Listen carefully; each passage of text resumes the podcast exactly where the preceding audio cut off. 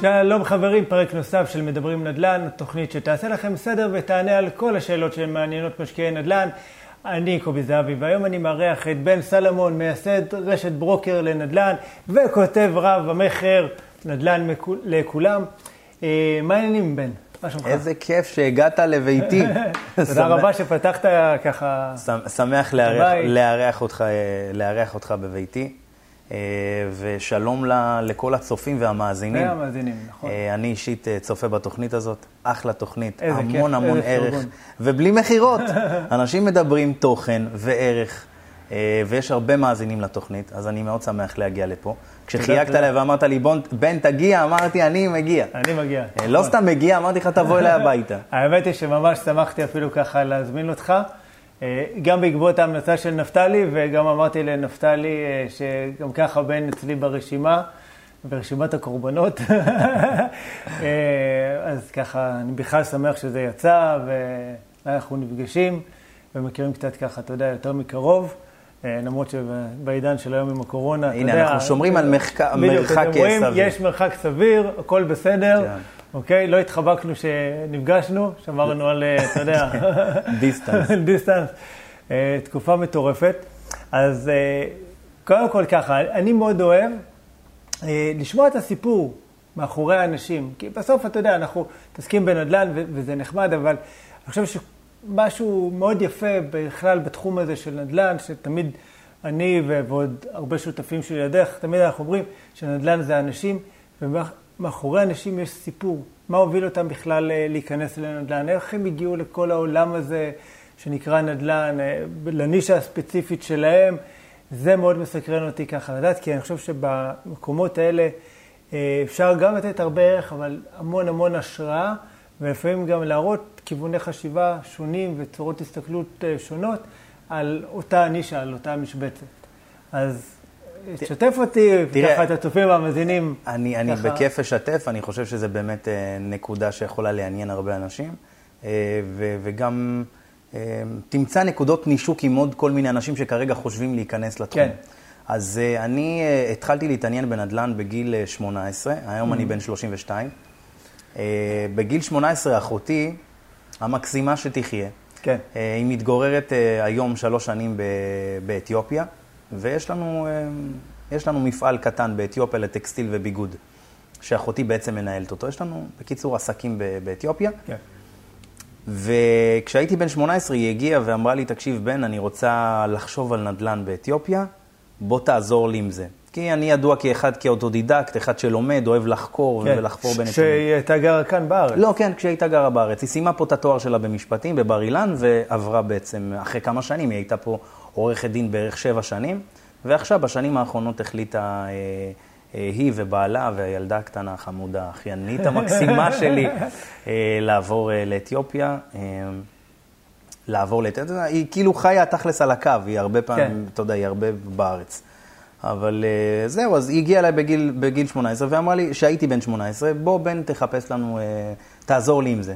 והתחלתי לחקור, לחפור, ובאמת, וקראתי משהו כמו אז, בתקופה, אני מדבר איתך לפני 14 שנים, היו איזה משהו כמו ארבעה ספרים על נדל"ן, לא כמו שהיום, אתה יודע שהספרייה כן. מלאה. אז בעבר לא היו כל כך הרבה ספרים, וקראתי כל מה שיכולתי. כל מה שיכולתי, הייתי קורא עיתונים, אתה יודע, עיתוני כלכלה. אז היה מאוד חזק ממון. נכון. של ידיעות אחרונות, המוסף הזה, וזה היה כאילו, אז זה ממש ללכת, לרדת לקיוסק, לקנות העיתון ולנסות להבין מה זה השפה הזאת, ולנסות להבין כלכלה ולחשוב לחשוב, uh, במונחים האלה, כי עד אז, כאילו, מה, מה לי ולדברים האלה? מה, מה, לי לבור, מה לי ולבורסה, לנדל"ן, כאילו, זה לא, כן. לא דיבר אליי. מה זה ו... קשור? כן, וגם לא הגעתי ממשפחה תכלס שהיא, שיש לה. אז אתה יודע, זה בחיים לא עניין אותך, זה יותר מעניין אותך לשרוד, אתה יודע, אתה דואג ל... אם אין לך, אתה בכלל לא חושב כן. על השקעות. אתה, אתה דואג לנעל הבאה ולבגד כן. הבא, כאילו, אתה יודע, הגעתי ממשפחה שאין לה. אז אתה תמיד, אז פתאום לשנות את התודעה שלך ולהגיע למקום כזה שאתה באמת מבין את המונחים הכלכליים, קצת בורסה, קצת נדל"ן, קצת כל, כל העולמות האלה. אה, ו, וככה בעצם התחלתי לחקור בגיל 18, ואז אחרי שהשתחררתי מהצבא, בצבא הייתי איש מחשבים, אה, בבסמך, ממר"ם, אם אתה, okay. אתה אוקיי. בטח מכיר. מכיר בשם? כן, ו, ו, וסיימתי, זאת אומרת, למדתי שם את הזה, ו, ובעצם הפכתי לאיש אה, תקשורת ומחשבים. ותוך כדי אני ממשיך לחקור את הנדל"ן, מאוד מאוד אהבתי את זה, אבל לא באמת ידעתי איך נכנסים לזה. אבל את הנדל"ן באתיופיה חקרת? את הנדל"ן, את, את הנדל"ן באופן, תראה, אני, לא, אני יודע אמהרית, אבל אני לא יודע לקרוא אמהרית. אז לא כן. יכולתי, אתה יודע, לקרוא, לקרוא ספרות אה, שקשורה בנדל"ן בזה, והנדל"ן באתיופיה הוא לא מאוגד כמו בארץ או כמו במדינות אה, כן. מפותחות. אתה יודע, זה נדל"ן. כן, כל מה שעל הארץ. דירה, נרשום אותה כן, איפשהו על כן, נייר. בדיוק. לשמור את הנייר, לא לאבד אותו. כן, אז מאוד מאוד קשוח, אה, אתה יודע, כל העניין של הזה. אז פה פשוט למדתי את זה במונחים שהם יותר מערביים, וניסינו לראות איך מעתיקים את זה לזה. אז עזרתי לה מאוד עם הדברים, לא אגיד מה היא עשתה. אבל כן. עזרתי לה, אה, כי אני שומר באמת על הפרטיות לא, שלה, כן. אבל היא עשתה כל מיני דברים מעניינים. ובקיצור, בצבא הייתי איש מחשבים, אבל עדיין המשכתי לחקור את הדבר הזה, זה מאוד מאוד עניין אותי.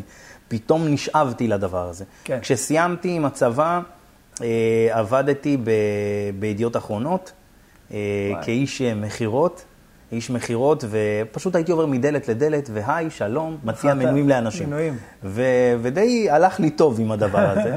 ואחרי שבעה חודשים סגרו את הסניף בבאר שבע. החליטו ש... שבאמת יש קיצוצים והכל, כי אז גם ישראל היום נכנסה מאוד חזק. Mm. עד אז ישראל היום, כאילו, אתה יודע, הם היו מגיעים לכל מיני מרכזים וכאלה ומחלקים. כן. אז בתקופה הזאת, הם, כשהם התחילו, הם שלחו, זאת אומרת, את העיתונים בחינם לבתים, אז התחרות הייתה מטורפת. רק תקרא. כן, זה מטורף. והייתה תחרות מאוד אה, קשוחה, וגם היה את אה, ynet שככה, אתה יודע, עלה מאוד נכון. חזק. אני מדבר על שנת 2009-2010. כן. זו התקופה שבאמת האינטרנט התחיל לבעבע, שפייסבוק נכנסה פה מאוד מאוד חזק בשנת 2008-2009. אני, יש לי פייסבוק מ-2009, נכון. אז שם בעצם ככה... נראה לי שגם אני. עד אז היה את מקושרים. אם אתה זוכר, או שאתה לא זוכר. שם לא היה לי חשבון. אז מי שבין אה, סביב ה-30 כזה יודע מה זה מקושרים, כן. זה היה הפייסבוק הישן. ההתפתחות של ה-ICQ, זה ממש הייתה אבולוציה.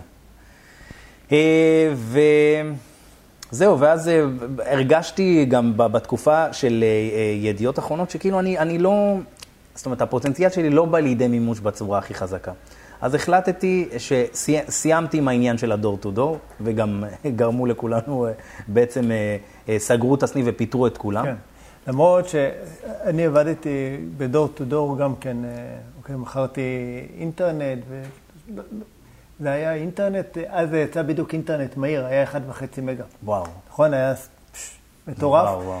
אה, אוקיי, אבל אני חושב שלי זה נתן המון... זה כאילו מרגיש לי עולם של כל כך פעם, האחד נכון, וחצי...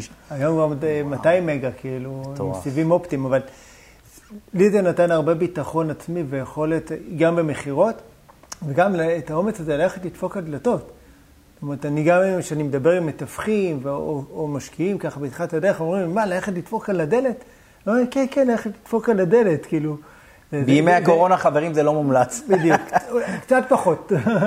אבל עדיין עושים את זה. כן. אוקיי, נכון, אנשים קצת נרתעים אה, ככה ליצור... אז, אז, אז זה, זה בעצם הסיפור. זאת אומרת, הסיפור הוא שבסופו של דבר, כשאתה אתה יודע, כשאנשים שואלים אותי איך הגעת לנדל"ן, זה באמת הרבה הרבה מאוד דברים, הרבה מאוד דרכים כן. קטנות שעברתי, שבעצם אה, היוו לי את מה שבעצם אני היום, אתה מבין? ומה door to door, אני באתי, מש... זאת אומרת, הייתי בן אדם מאוד ביישן ומופנם. לא הייתי ככה מדבר ותוכנית, אה, אתה יודע, בטלוויזיה וספרים ו- ולייבים. לא, לא, אני לא בא משם. נכון. וככה למדתי לאט לאט, וה door to door פתח לי הרבה מאוד... אה, פתח לי הרבה מאוד עולמות. באילת, דרך אגב, במועדפת שלי, הייתי מלצר מזמר באילת. וואלה. הייתי שר, רוקד ומשחק. דרך, אחת הסיבות שהלכתי לאילת, זה בדיוק העניין הזה, הביישנות. ידעתי שמתישהו אני אעמוד מול במה, תמיד שאפתי לדבר הזה, אבל uh, מאוד, uh, אתה יודע, חששתי. ומה יותר טוב מלהיות מלצר מזמר, שאתה יום וליל רק רוקד ושר ומשחק, ואתה יודע, אנשים, 300-400 איש כל יום צופים בך. כן. זה, זה מטורף. לא סתם אומרים שהדרך הכי טובה ללמוד לשחות היא בבריכה. כן. אוקיי, כן. ו... ואחרי ידיעות אחרונות אמרתי, טוב, אני הבנתי כבר, זאת אומרת, הבנתי איך החיים שלי מתהווים, והבנתי מה אני רוצה. הבנתי ש... כאילו שאני רוצה להיות אה, אה, בעסקים. ידעתי כן. שבעסקים נדל"ן גם, זאת אומרת, הרגיש לי הכי מחובר, כי כבר הכרתי את זה, אתה מבין? אני כבר חוקר את זה הרבה זמן, אז אמרתי, בואנה, זה...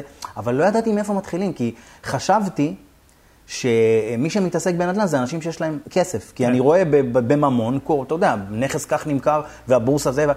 אתה אומר, בואנה, זה המון כסף, אין לי כסף. כן. בקושי ללחמניה היה לי. המון כותבים על עסקאות במיליונים. כן, אתה יודע, ואתה אומר- בוא'נה, מאיפה עכשיו אז- עסקה של 40 מיליון אני אביא? אתה מבין, אז אתה רק מדמיין את זה בינתיים, ואתה לא מבין מה, איך, איך אני מגיע לזה. ואז כשהתחלתי להבין שטוב, את העניין של הדור טו דור הבנתי, והבנתי גם שמכירות זה משהו שמאוד מאוד יעזור לי ברמה, אתה יודע, לעמוד בפני קהל ולמכור כן. ולעשות כנסים ודברים כאלה. ואז אמרתי, טוב, חסר לי אבל משהו מאוד חשוב. לד... לדעת לדבר בטלפון בצורה מאוד טובה, שבאמת, כי ידעתי שכשאני אהיה מנכ"ל ובעלים של חברות וזה, וידעתי שאני אדבר המון בטלפון. כי קראתי על כל מיני אנשים ש... שרוב ה... היום שלהם, המנכ"לים, בעצם אה, אה, נשרף על שיחות טלפון. וככה באמת, ככה בניתי את הדרך. ועבדתי בבזק, אה, שנה וחצי בערך, וגם שם פשוט הלך לי מאוד טוב בשירות ובשיווק ובמכירות, הלך לי מאוד מאוד טוב. תוך שלושה חודשים כבר הייתי ממש בצוות חניכה. וואו. אחרי שבוע רצו לפטר אותי. אמרו לי, אתה לא עומד ביעדים, תעוף מפה. ידעתי למכור, כי הייתי בידיעות אחרונות. כן. אבל לא ידעתי אה, איך לשלב את כל הדברים. כי ב- בבזק, לדוגמה, כן.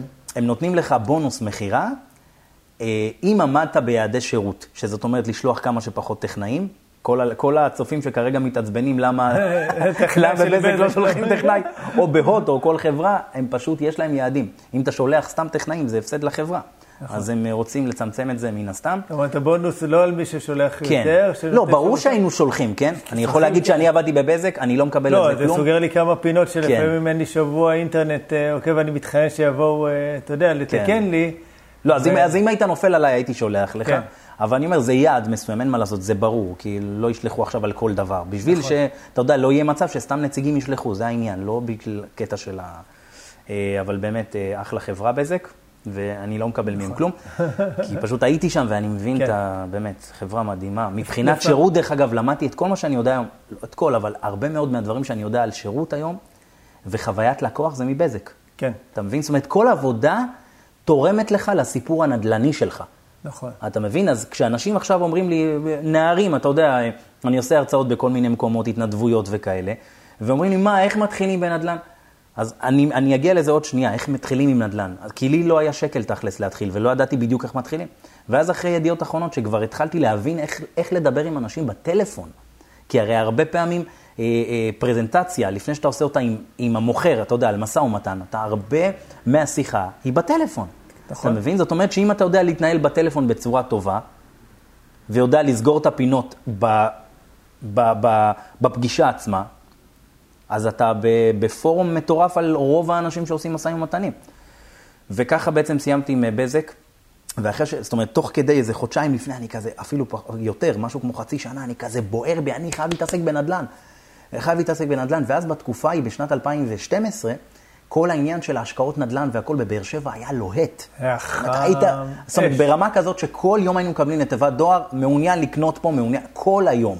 אתה כן. מבין? ולא מתווכים, היום המעוניין לקנות זה מתווכים. נכון. אבל אז זה היה באמת משקיעים.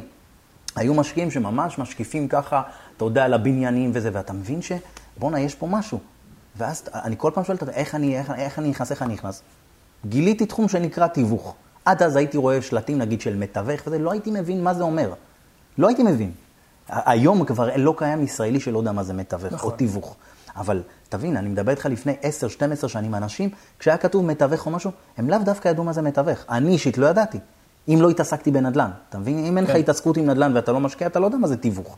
לא הבינו מה זה מתווך, גם לא הבינו את היתרונות של, כן, של מתווך. כן. עד היום אני חושב שככה, לפעמים הישראלי, אתה יודע, לא ברור לו למה הוא צריך... אז, אז אה, לי אישית לא היה ברור. כשאני הייתי רואה נגיד תיווך או תיווך, לא, לא ידעתי לחבר את הדם. ואז התחלתי באמת להבין, אמרתי, טוב, אין לי כסף. טוב, בבזק וידיעות כבר חסכתי קצת, נכנסתי לתחום עם כסף, אבל אתה יודע, אז זכורה לי החריטה הזאת שראיתי בממון, שצריך הרבה כסף ומיליונים, מאיפה אני מביא את המיליונים? ואמרתי, טוב, בוא נתחיל מהחצר האחורית של התחום הזה, שנקרא נדל"ן, כי הוא מאוד מאוד רחב. התחלתי אה, אה, בעצם בתיווך, פשוט. עבדתי במשרד בבאר שבע, משפחתי קטן, מספר חודשים, לא התאים, התקדמתי למשרד אחר שהתמחה בהשקעות. רק השקעות. משקיעים. רק, משק... רק משקיעים. עכשיו, המשרד הזה היה מאוד מאוד מקצועי, כי כשאתה מתעסק עם משקיעים, אתה חייב לדעת הרבה יותר מהם. נכון. בהרבה מאוד מובנים. אתה מבין? זאת אומרת, צריך... אתה- אני גם, אצלי, אני ש- רק משקיעים, אני לא לא מתעסק עם בעלי דירות ודירות למגורים, בכ- בכלל לא. אתה, אתה וזה- מסכים איתי שזה מצריך ממך ידע מאוד מאוד לחלוטין. רחב? רלוונטיות בידע שלך? אה, אין? ספק אפילו. זאת אומרת, מה שידעת לפני לפני- שבכלל יוצאים לראות דירות? אז יושבים, בונים סוג של תוכנית עסקית בכלל, להבין מה, אוקיי? לעשות סוג של אפיון צרכים ויכולות בכלל להשקעה. זה לא רק, יאללה, בוא נלך לקנות דירה להשקעה. לגמרי, לגמרי. אוקיי? כי לפעמים אנשים מגיעים עם סכום כסף, הם אומרים, אני רוצה לקנות דירה, אני אומר אבל למה אחת? תקנה שתיים. בוא תראה איך עושים את זה. אבל אוקיי? ותבין- לפעמים אפילו שלוש. אז אז תבין כמה הידע שלך זה דבר מטורף, ואם, יכול להיות מאוד שאם לא היית מתעסק ומתמקד במשקיעים, לא היית יודע את מה שאתה יודע היום. אין לי ספק. אתה מבין? זאת אומרת, מי... כי תחשוב שאתה עכשיו בתור מומחה אחד שמלווה משקיעים, בראש שלך כשמציגים לך נכסים, אתה כבר בראש אוטומטית, יש לך אקסל של מה... נכון. תחשיב רכישה. אתה מתווכים? לו, שאני עובד איתם, לא, לא, לא ברור להם איך נכנסתי לדירה, שלוש דקות עשיתי סיבוב, יצאתי, אני יודע בדיוק בכמה אני רוצה לקנות את הדירה, אני יודע גם למי אני הולך להביא את הדירה הזאת, הכל מאוד ברור. למה? אני חושב שזה אולי עניין של ניסיון, ובאמת לעשות, לעבוד בצורה מאוד מסודרת. אוקיי? כן. כל ההפרעות קשב שלי, דווקא בנישה הזאת של הנדל"ן. דרך אגב, זה קטע שרוב האנשים. שמתעסקים בנדל"ן, לפחות ממה שאני הכרתי, סובלים מהפרעות קשב. כן? אז הנה, אני בחברה טובה. גם אני כזה, הכל כן. בסדר. תן לי כיף באוויר. כיף קורונה. ימי הקורונה. היום יצא קמפיין של אה, כיף כיף. וואלה, לא, מעניין לא, מאוד. טרם ראיתי. כן. אה, יש לי את זה בטלפון, אחרי זה אחרי זה נחפור. מאוד מעניין, זאת אומרת, זה- זה לא זמן לכיפים, בקיצור. אבל זה זמן לכיף כיף. אה, זהו, ואז אה, סיימתי עם בזק וחשבתי, כמו שאמרתי, לאן אני, זאת אומרת, איך אני נכנס, לא, בלי יותר מדי כסף. לא כן. ידעתי שבעצם אפשר למנף, ואתה יודע, את כל הדברים האלה. כי בעיתונים, אתה יודע, כתבו לך בעיקר את המקרו. איך הכלכלה נראית. אתה יודע, אתה זוכר את ממון. כן. זה היה נראה כמו, אתה יודע, אה, גרף של הרבה גרפים. את, את האמת, ו- שאני אני לא קורא עיתונים, אוקיי? עכשיו רק... לא, אה, לפני לי- אה, 12 שנים, אני 10 20 שנים. שנה לא קורא עיתונים, לא שומע... לא, אם זה כלכלה, לא שומע לא. חדשות, כלום. אוקיי? טוב, את- גם אני את- לא את שומע כל חדשות. הידע שלי, אני תכלס ממש מביא מהשטח, צריך נתונים, הולך לעיריית, אוסף והכל. היום, נכון, אני קצת יותר ככה מגשש אה, בגלובס, בדה מרקר וכל זה. הרבה פעמים קצת מעלה לי חיוך על השפתיים, על מה שכתוב שם. אז אני תמיד לוקח בערבון מוגבל, אבל בכל זאת קצת מנסה להיות מעודכן וקצת, אה, אתה יודע, כן. שאומרים לי, אתה יותר מדי מנותק. אה, זהו, ואז ב-2012 בעצם נכנסתי לתחום התיווך, והתעסקתי עם השקעות בלבד, עם משקיעים. וזה הצריך ממני ללמוד המון המון המון, כי הם הגיעו בלי ידע, הרבה מהם. אני מדבר איתך בשנת 2012. כן. שהתודעה לא הייתה כמו שהיום, שלא נכון. היה, לא היה מדלן, לא היה רשות המיסים, שיש לך את כל העסקאות. זאת אומרת, יד, היית צריך לדעת באמת, להבין וללכת, ואת הדור טו דור שלמדתי בידיעות אחרונות, הגעתי לפה עם... שבע. כן, הגעתי לפה כאילו עם ניסיון. מה זה בשבילי ללכת, ללכת לגייס נכס? אתה יודע, אני הייתי הולך מוכר מנויים, פתאום אתה בנדלן מרוויח פי 20 יותר כן. על דירה, אז אתה הולך ומתחרפן על האזור. אה, ואז אתה יוצר לעצמך אזור התמחות, שאין מצב שיש נכס שמתפרסם ואתה לא מכיר. אין מצב שיש ועד בית מסוים שלא הכרתי באזור שבו עבדתי, אין דבר כזה.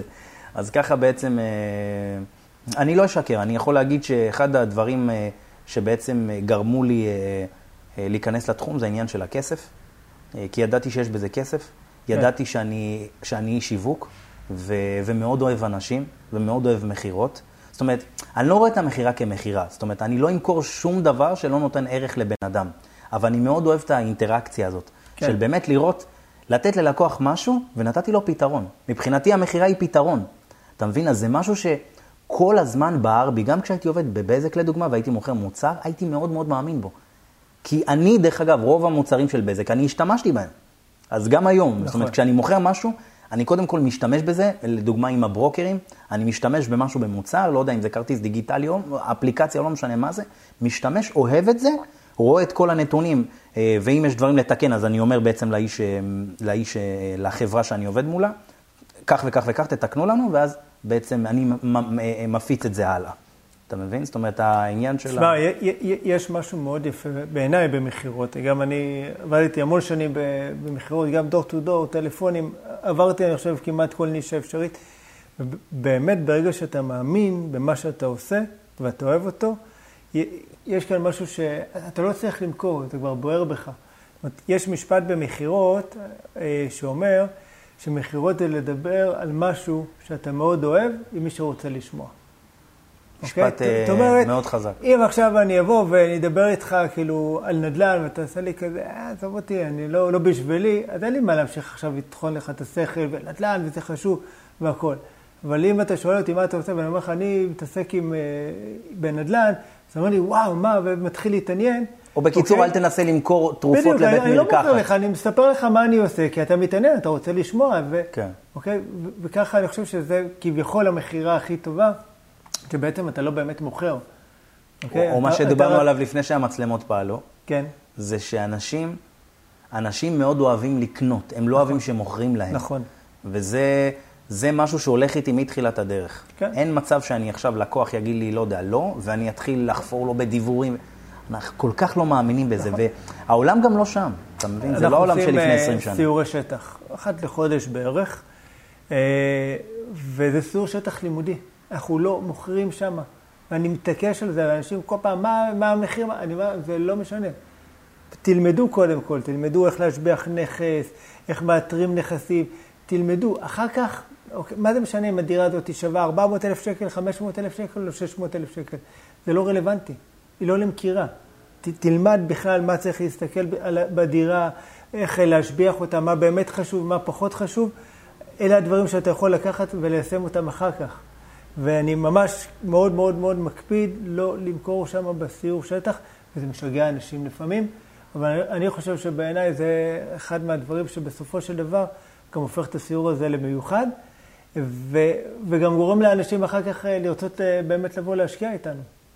כי אנחנו לא, אתה יודע, לא, לא דוחפים שום דבר, לא נשים אותם, בואו תקנו ו, וכאלה. זו הגישה שלי לגבי בכלל מכירות, ואני מאוד אוהב מכירות. אה, כמו מתווכים, אתה יודע, יש לאנשי מכירות לפעמים סטיגמה. כן, לגמרי. Okay.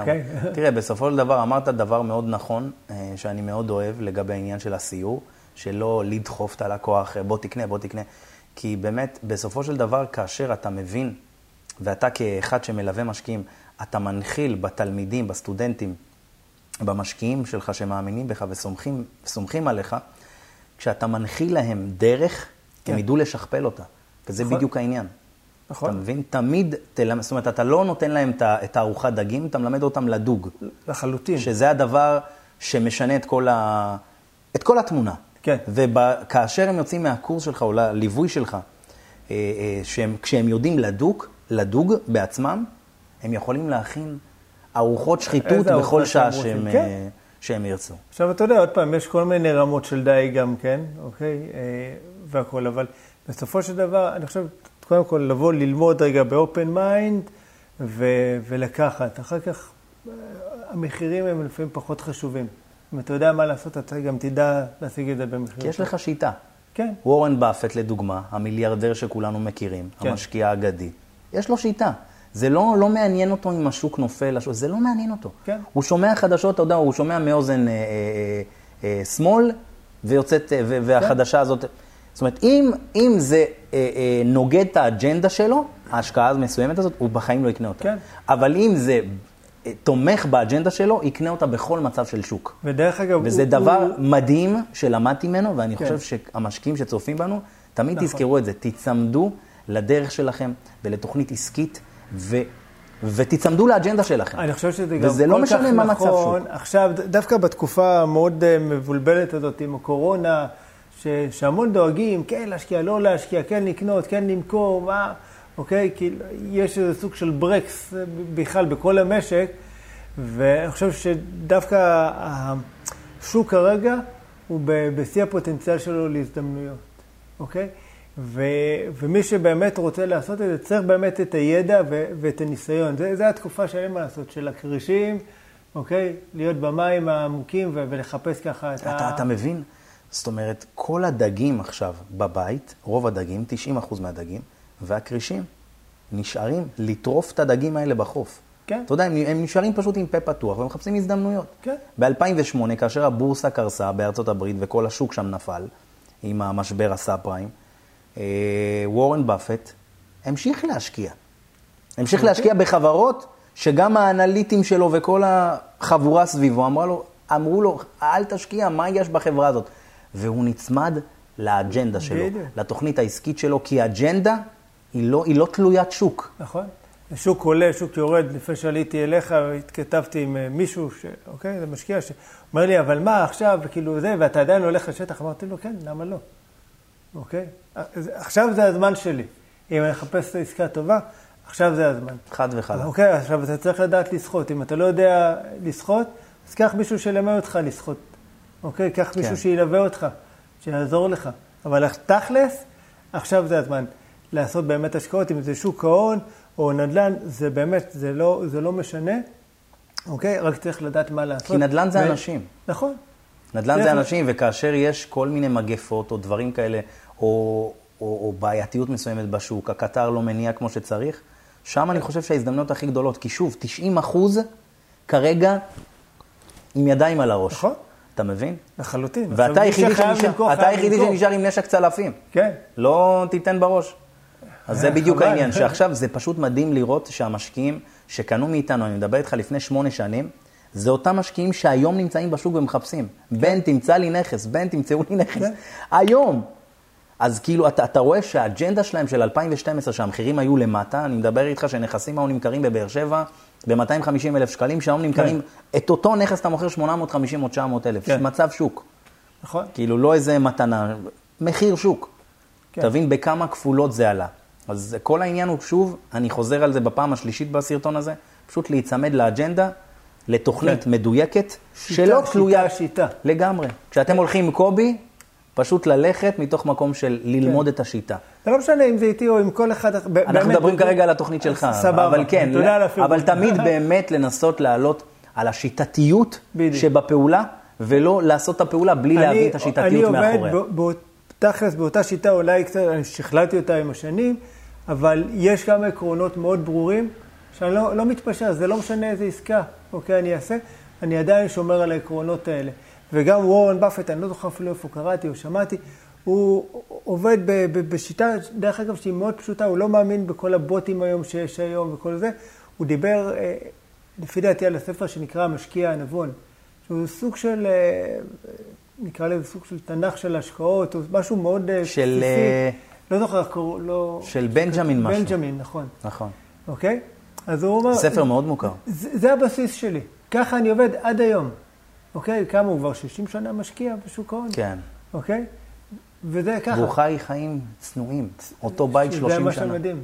פשוט מדהים. אוקיי? פשוט מדהים. זה מה שמדהים. אני לא יודע, זה... אני לא, לא מבין גדול בשוק ההון. תבין, חלק מהפילוסופיית השקעה שלו, זאת אומרת, היא נגזרת מפילוס... מפילוסופיית החיים שלו. לחלוטין. אתה מבין שזה דבר מדהים, ש... אז כשאנחנו אה, אה, נוהרים ורוצים להכין בעצם אג'נדה, צריך להבין שהאג'נדה שלנו, של ההשקעות, חייבת להתיישב היטב עם פילוסופיית החיים שלנו. אתה מבין? אין לי ספק. שזה דבר שהוא... אין לי ספק, גם אני מדבר על זה וברגע שזה הרבה. מתפצל, אתה מרגיש כל פעם לא שלם עם עצמך. נכון. לא, אני אישית עוד פעם, זה, למזלי אשתי ביחד איתי, אוקיי, בכל הדבר הזה שנקרא נדל"ן, ובכלל בכל אה, האסטרטגיה הכלכלית שלנו, אוקיי? זאת אומרת, אנחנו, ואני חושב כבר הזכרתי את זה כמעט בכל פרק, לעניין הזה שהיום אנשים רודפים אחרי אה, איזה משהו שהוא מאוד חיצוני, אוקיי? על בית גדול יותר, רכב גדול יותר, כל הזמן מנסים ככה ליצור איזה עושר שהוא חיצוני. ואנחנו אומרים, אנחנו סבבה לנו בדירה שלנו, ברכבים שלנו, לא צריכים רכבים הכי חדשים, אוקיי? מתוך אסטרטגיה, אוקיי? מתוך פילוסופיית מתוך החיים. פילוסופיה, ו- ובסופו של... אתה מסכים איתי שפילוסופיית ההשקעות שלך תואמת לפילוסופיית ההשקעה שלך? לחלוטין. זה בדיוק זה, העניין. זה בסופו של דבר, תראה, אני יכול ללכת לקנות בית גדול יותר, אני יכול להחליף, ללכת לקנות מכונית חדשה, להיכנס לחברה, אני רוצה... אתה יכול זה לעשות הכל. בצבע שחור עם ככה וככה וככה, להתחייב, לשלם, לא יודע, מ-2,000-3,000 שקל בחודש, אוקיי, לליסינג, יכול לעשות את זה. השאלה לאן זה לוקח אותי, לאן זה יקדם אותי, ומה באמת חשוב בחיים, אוקיי? לי זה פחות חשוב. לי, הדברים הקטנים שעושים לי כיף בחיים זה לשבת עם אשתי ב- לבית קפה אפילו, אתה יודע. כמה שנים אתם יחד? 12 שנה. יפה. 12 שנה, עדיין אני אומר לך, אוקיי, הכיף הגדול שלי זה לשבת איתה, לשתות כוס קפה. ללכת למסעדה, ליצור את, ה, את החיבור, את ה, שיש איזה דו-שיח, לבלות זמן איכות עם הבנות שלי, אוקיי? ללכת, לא יודע, לשחק איתן, לרדת לרכב על אופניים. אה, אתה רוכב איתן על אופניים? כן, הן רוכבות, אני רץ, אוקיי? ולעשות ספורט, אוקיי? אני מתאמן כמה פעמים בשבוע, אני מתרגל כבר 20 שנה כל בוקר מדיטציה, קורא הרבה ספרים, זה, זה מה שמתאים אותי ברמה האישית, והכול. ללכת לקנות אוטו חדש, אוקיי, סבבה, זה נחמד, אבל אתה יודע כמה, כמה זמן זה מרגש? יום, יומיים, שבוע, אוקיי? זה, בסוף זה, כאילו, התרגלת לזה. אבל לחוויות האלה של החיים, אוקיי? שאתה, אתה המשפחתי לפחות, בשבילי הוא מאוד מאוד חשוב, אה, אוקיי? זה, זה התרגשות, אתה יודע, יומיומית. עם כל, אתה יודע, הקשיים שיש בכל זאת לגדל ילדים, זה לא דבר כזה קל, אבל, אה, ולעשות קריירה במקביל, אבל אה, אני חושב שיש בזה הרבה סיפוק. דווקא לשלב את, ה, את הקריירה, את העסקים, ביחד עם זוגיות טובה ו... ו ולהיות אבא שהוא, אתה יודע, אני לא אוהב להגיד פעיל, כי מה זה אבא פעיל? להיות אבא, אוקיי? להיות שם, להיות בדיוק, נוכח. בדיוק, להיות שם. להיות נוכח. לפעמים אומרים לי, וואי, איזה אבא פעיל אתה. אני אומר, מה זה אבא פעיל? אני אבא. כאילו, למה שאני לא ארד עם הבנות שלי? למה שאני לא אלך איתם, לא יודע מה, לאכול אה, גלידה או... בנות כמה כן, ילדות? שש ותשע. אוקיי? כרגע זה, זה הגיל שהן הכי צריכות אותי. נכון. זה, זה הגיל באמת כיף, שהן קופצות עליך ומחבקות אותך ואומרות לך כמה הן אוהבות אותך. זה עוד כמה שנים, כן. גדלות, ואתה יודע, ובעניינים שלהם כבר. נכון. אתה, שלחי וואטסאפ, תעני לי, תעני לי. אוקיי? אה, אז באר שבע. כן, אז אם, אם אנחנו חוזרים ל... ל זאת אומרת, לסיום של העבודה שלי בבזק, ואז התחלתי בעצם, כמו שאמרתי, נכנסתי למשרד כן. שמתעסק בהשקעות נדל"ן ומתמחה בזה. ואז אתה יודע, אתה כל פעם מקבל פה משקיע, שם כן. משקיע, לך תבנה לו תחשיב ולך ת... אתה יודע, תכיר את השטח, אין פה... אתה לא יכול לעשות איתם יותר מדי, אה, אה, להתנסות עליהם יותר מדי, כי הם מכירים, כן. הרבה מהם. זה אנשים שכבר קראו, למדו. המזל שלי שהגעתי באמת עם רקע. כל התקופה הזאת שחקרתי זה משהו שמאוד מאוד עזר לי כשנכנסתי לתחום כבר, ואז הרגשתי כבר שאני מכיר. זאת אומרת, השפה כן. לא הייתה לי... אה, קשה מדי. משכנתה, הבנתי, אתה יודע, ידעתי יותר מהאדם הממוצע, כי שוב, חקרתי כן. פשוט שנים לפני וזה עניין אותי מאוד. ואז ככה זה בעצם ב-2012, ב-2013 כבר הקמתי את, אה, את, אה, את לינקו לנדל"ן, שזה בעצם משרד שההתמחות שלו העיקרית הייתה השקעות נדל"ן בבאר שבע. ישבנו בעיר העתיקה, ברחוב העצמאות. זה ממש לב, אה, לב באר שבע, באר שבעים מכירים, יודעים. כן. אה, ושם בעצם התחלתי את כל הפעילות של להקים את המשרד הראשון שלי, שנקרא לינקולן, כמו שאמרתי. ו... ואחרי תקופה, זאת אומרת, תוך כדי עשייה, יצא לי לכתוב המון המון המון תוכן בנדל"ן. המון המון, המון כתבות, בלוגים. אני מנהל אה, בלוג בקפה דה מרקר משנת 2008-2007 בערך. אז כתבתי המון המון דברים, והצ... אתה יודע, הצטברו לי מאות אה, מאמרים, מאות אם לא אלפי מאמרים, ואז חשבתי על ספר, אמרתי, בואנה, למה שאני לא אוציא ספר? יש לי כל כך הרבה תוכן, אנשים, אני רואה שהם צורכים אותו, שולחים לי כל פעם הודעות, תשלח לי כתבה, או לא קראתי, תשלח לי. אמרתי, טוב, יש פה איזה, יש פה איזה אישו. אם כן, אני אוציא את הספר... יש משהו. כן, הבנתי שאני כותב סבבה, שאנשים מתחברים לתוכן, אוהבים את השפה. אמרתי, כן. טוב, אם אני עכשיו כותב ספר... אתה כותב הרבה יותר מסבבה, אני חייב להגיד לך. זה כיף לשמוע, תודה. אני גם אמרתי לך שדיברנו ככה פעם ראשונה, שבאמת, אתה כותב יפה, אני נהנה לקרוא את הפוסטים שלך. תודה רבה, תודה רבה. ו... וככה בעצם נולד הספר. בשנת 2000 ו... 2013 התחלתי לכתוב אותו בערך, אתה יודע, עם כל המאמרים והכל. ב-2016 הוצאתי אותו, שלוש שנים לקח לי כל הפינג פונג עם ההוצאה. כן. שנה וחצי בערך ישבתי עליו בבית, שנה וחצי עם ההוצאה, פינג פונג, מחפש הוצאה, מי יוציא לי את הספר, מי יעשה את הדברים שאני חושב שצריך לעשות. כי גם אז, בתקופה ההיא, אני הגעתי עם ידע, אה, עם ידע, זאת אומרת, עם ידע מעמיק בתחום השיווק, כי למדתי במכללה שיווק. אז למדתי הרבה מאוד על שיווק. והרבה פעמים, כאשר הייתי נתקל בחברות, היה פער בין מה שהייתי רוצה לבין מה שהן יודעות לעשות. כן. אז הגעתי עם כל מיני רצונות, וכאילו, מה אתה חושב שאתה, אתה מבין? ואז אני כזה, זה מה שאני רוצה. מסתכלים ש... מבחינה ספרותית, אתה מסתכל אה, ספרותית אבל עם שיווק. כן, כי אני יכול להיות סופר הכי נפלא. אם לא לי במות אה, להקריא את הסיפורים שלי, נכון. זה לא שווה שום דבר. אני יכול להיות זמר עם קול מדהים ומרטיט. בדיוק. אבל ואם אם... אתה שר במקלחת... אה, אז זה לא יעזור לי. וידעתי את זה, ואמרתי, טוב, אני חייב באמת להגיע לפלטפורמות, איך עושים את זה? על ידי שיווק. ואז התחלתי לכתוב אסטרטגיה שיווקית של איך בעצם גורמים לספר הזה להצליח ושיגיע לכל זה. שמחתי מאוד שנפגשתי עם המוציא לאור, והוא באמת הבין שיווק, ואני התוויתי אה, דרך מסוימת של מה אני חושב, מה צריך לעשות, איך זה ייכתב. אני כתבתי את הספר בטכנולוגיה מאוד מסוימת. מה הכוונה? טכנולוגיה כזאת של אנשים, זאת אומרת, כשאתה קורא את הספר הוא פשוט קליל, הוא זורם לך. כן. כמו שאני כותב את הפוסטים, ככה המשכתי אותם בתוך הספר. מאוד מאוד קליל, מאוד פשוט. אה, אספתי כל מיני, אה, את, ה, את הנושאים שהם הכי בוערים לאנשים. אה, אז בתקופה ההיא, כאשר התחלתי לחקור את הנדל"ן, כל הספרים שנתקלתי בהם, כולם היו בהשקעות נדל"ן. הספר שלי, אמרתי, אני הולך להתמקד בנדל"ן למגורים. אבל נדל"ן למגורים עם טוויסט למשקיעים. זאת אומרת, גם משקיע ימצא את עצמו שם. כן. זאת אומרת, מאות משקיעים רכשו את הספר, או אם לא אלפים. לפחות ממה שאני יודע בפייסבוק, אה, בין, בין קניתי ושולחים לי תמונה, אז מהדבר הזה אני מכיר, אבל אני יותר בטוח. ו...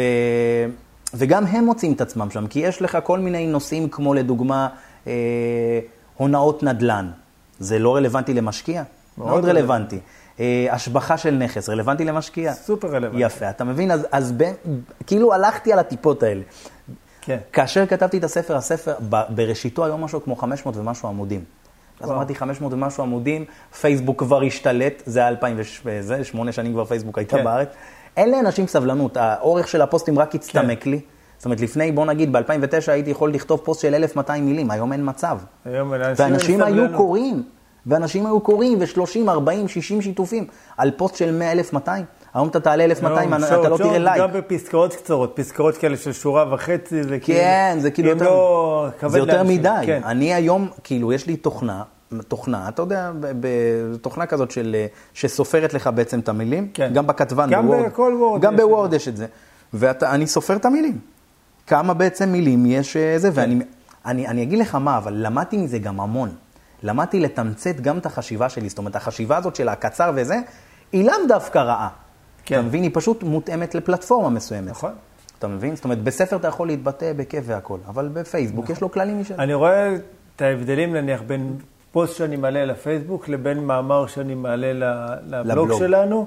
כן, ששם אני מרשה לעצמי, שם אני אומר, זה, זה הבלוג שלי, אני, אני עושה מה שאני רוצה, בדיוק. ובאמת, אני כותב ככה אה, מאמרים קצת יותר רציניים, יותר עמוקים, הרבה מדבר גם על אה, אסטרטגיות אה, כלכליות אה, וכאלה, לא רק, אתה יודע, על נדל"ן אה, והכול. אבל כן, לפעמים, אתה יודע, בפייסבוק אנשים רוצים את זה קצר וקולע. לגמרי, לגמרי. אוקיי. אה, ו...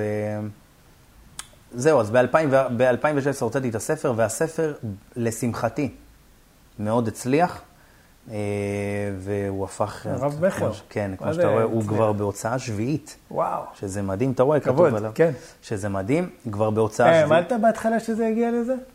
אה, אני אשקר אם אני אגיד שלא האמנתי. אז כן, מאוד האמנתי.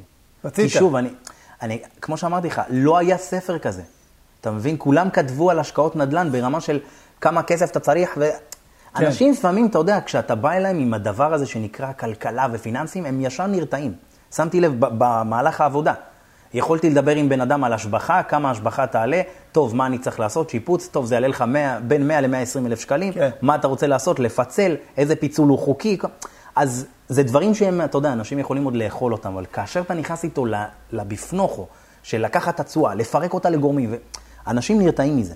אז אמרתי, טוב, אני לא רוצה להיות הספר הזה של, שזוכרים אותו כמספרים וקצת אולי חופר, אלא ספר קצת יותר נגיש, אתה יכול לקרוא אותו בכיף, ב, ב, ב, לא יודע איפה, בשירותים או כן. בדרך לאיזה הרצאה. אז, אז לשם כיוונתי, כאילו, כי הבנתי את... אה, הבנתי שאני לא רוצה להתמקד פשוט רק באנשי המספרים, אתה מבין? כי תמיד נכון. מה שמוביל אותי זה נדל"ן, זה אנשים, באמת. לחלוטין. וגם הספר הבא שאני הולך לכתוב, בעזרת השם, על השקעות, שכרגע נכתב בימים אלה, זה ספר שאני הולך לכתוב אותו, לא מספרים, מספרים, מספרים, אלא נדל"ן זה אנשים, זה הפסיכולוגיה. מה שמוביל את וורן באפט, שאני עוקב אחריו הרבה מאוד שנים, זה באמת שהוא מאמין שבורסה זה אנשים. אתה מבין? כל מה שמניע את השווקים בעולם זה אנשים. ואם תתחבר אל איזה רגע, בסוף נגיע למספרים. אבל שנייה לפני שהבן אדם חוסם את עצמו, בוא ניתן לו שנייה להרגיש מה זה הטעם של ה... כן, שמע, אני קראתי המון ספרים אה, גם על, אתה יודע, השקעות וכלכלה ו- וכאלה. הספרים הטובים הם כמעט בלי מספרים. הם, הם נותנים לך את הפילוסופיה, את ה mindset שאתה צריך להיות בו, אוקיי? את ה, איך אה, להתגבר על כל מיני דפוסים שיש לך, אוקיי? ו- וכל מיני צורות הסתכלות על דברים. המספרים שם כמעט לא חשובים, כי בסוף, אחר כך, את המספרים אתה תדע לחבר. מה שבכלל יעצור אותך להתעסק עם המספרים זה ה mindset שלך, אם אתה, אתה יודע, אם אתה רואה במספרים אתה ישר בורח, אתה אומר זה לא בשבילי, או שאתה אומר, טוב, אני צריך להבין איך המספרים מסתדרים כאן. אוקיי? אבל זה, זה, זה קודם כל צורת חשיבה, וקודם כל אה, אה, לטפל באמונות המגבילות שלנו. פילוסופיה. כן, הפילוסופיה. והפילוסופיה היא הרבה פעמים, הפילוסופיה, כשמדובר בבני אדם ואנשים, הפילוסופיה היא, היא לאו דווקא אנשים. ולפי דעתי, מה שהיזמים שאני אפגש איתם, וזה יזמים שיש להם, אה, ויזמים שאני עוקב אחריהם שנים, זה אנשים שבאמת, אתה רואה שהם פחות מדברים על מספרים. אתה מבין? שים לב, אורן באפט, כל הציטוטים הגדולים שלו, רובם, הם לא, הם לא נוגעים במספרים, הם נוגעים נכון. באנשים, הם נוגעים בדברים נוגעים מאוד עמוקים. נכון. Okay. אוקיי. נוגעים בדברים מאוד מאוד עמוקים, שאתה אומר, וואו, זה כאילו, יש בזה איזה משהו מעניין. כי אתה מבין כן. שה...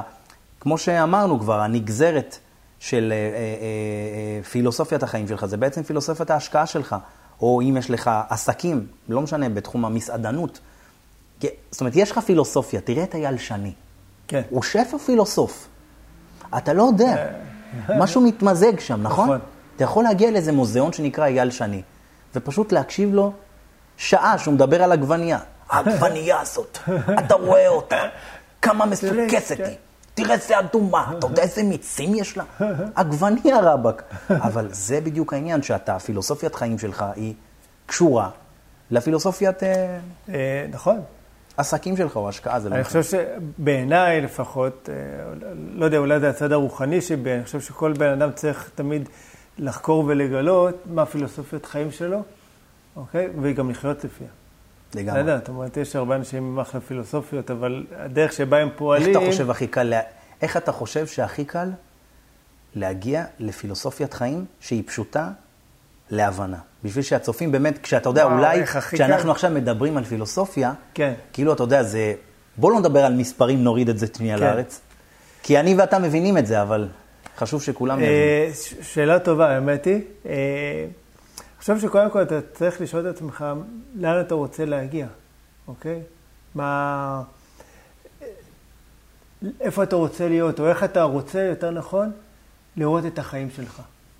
אוקיי? לצייר בראש את החיים שלך, איך, איך אתה רוצה שהם יתנהלו.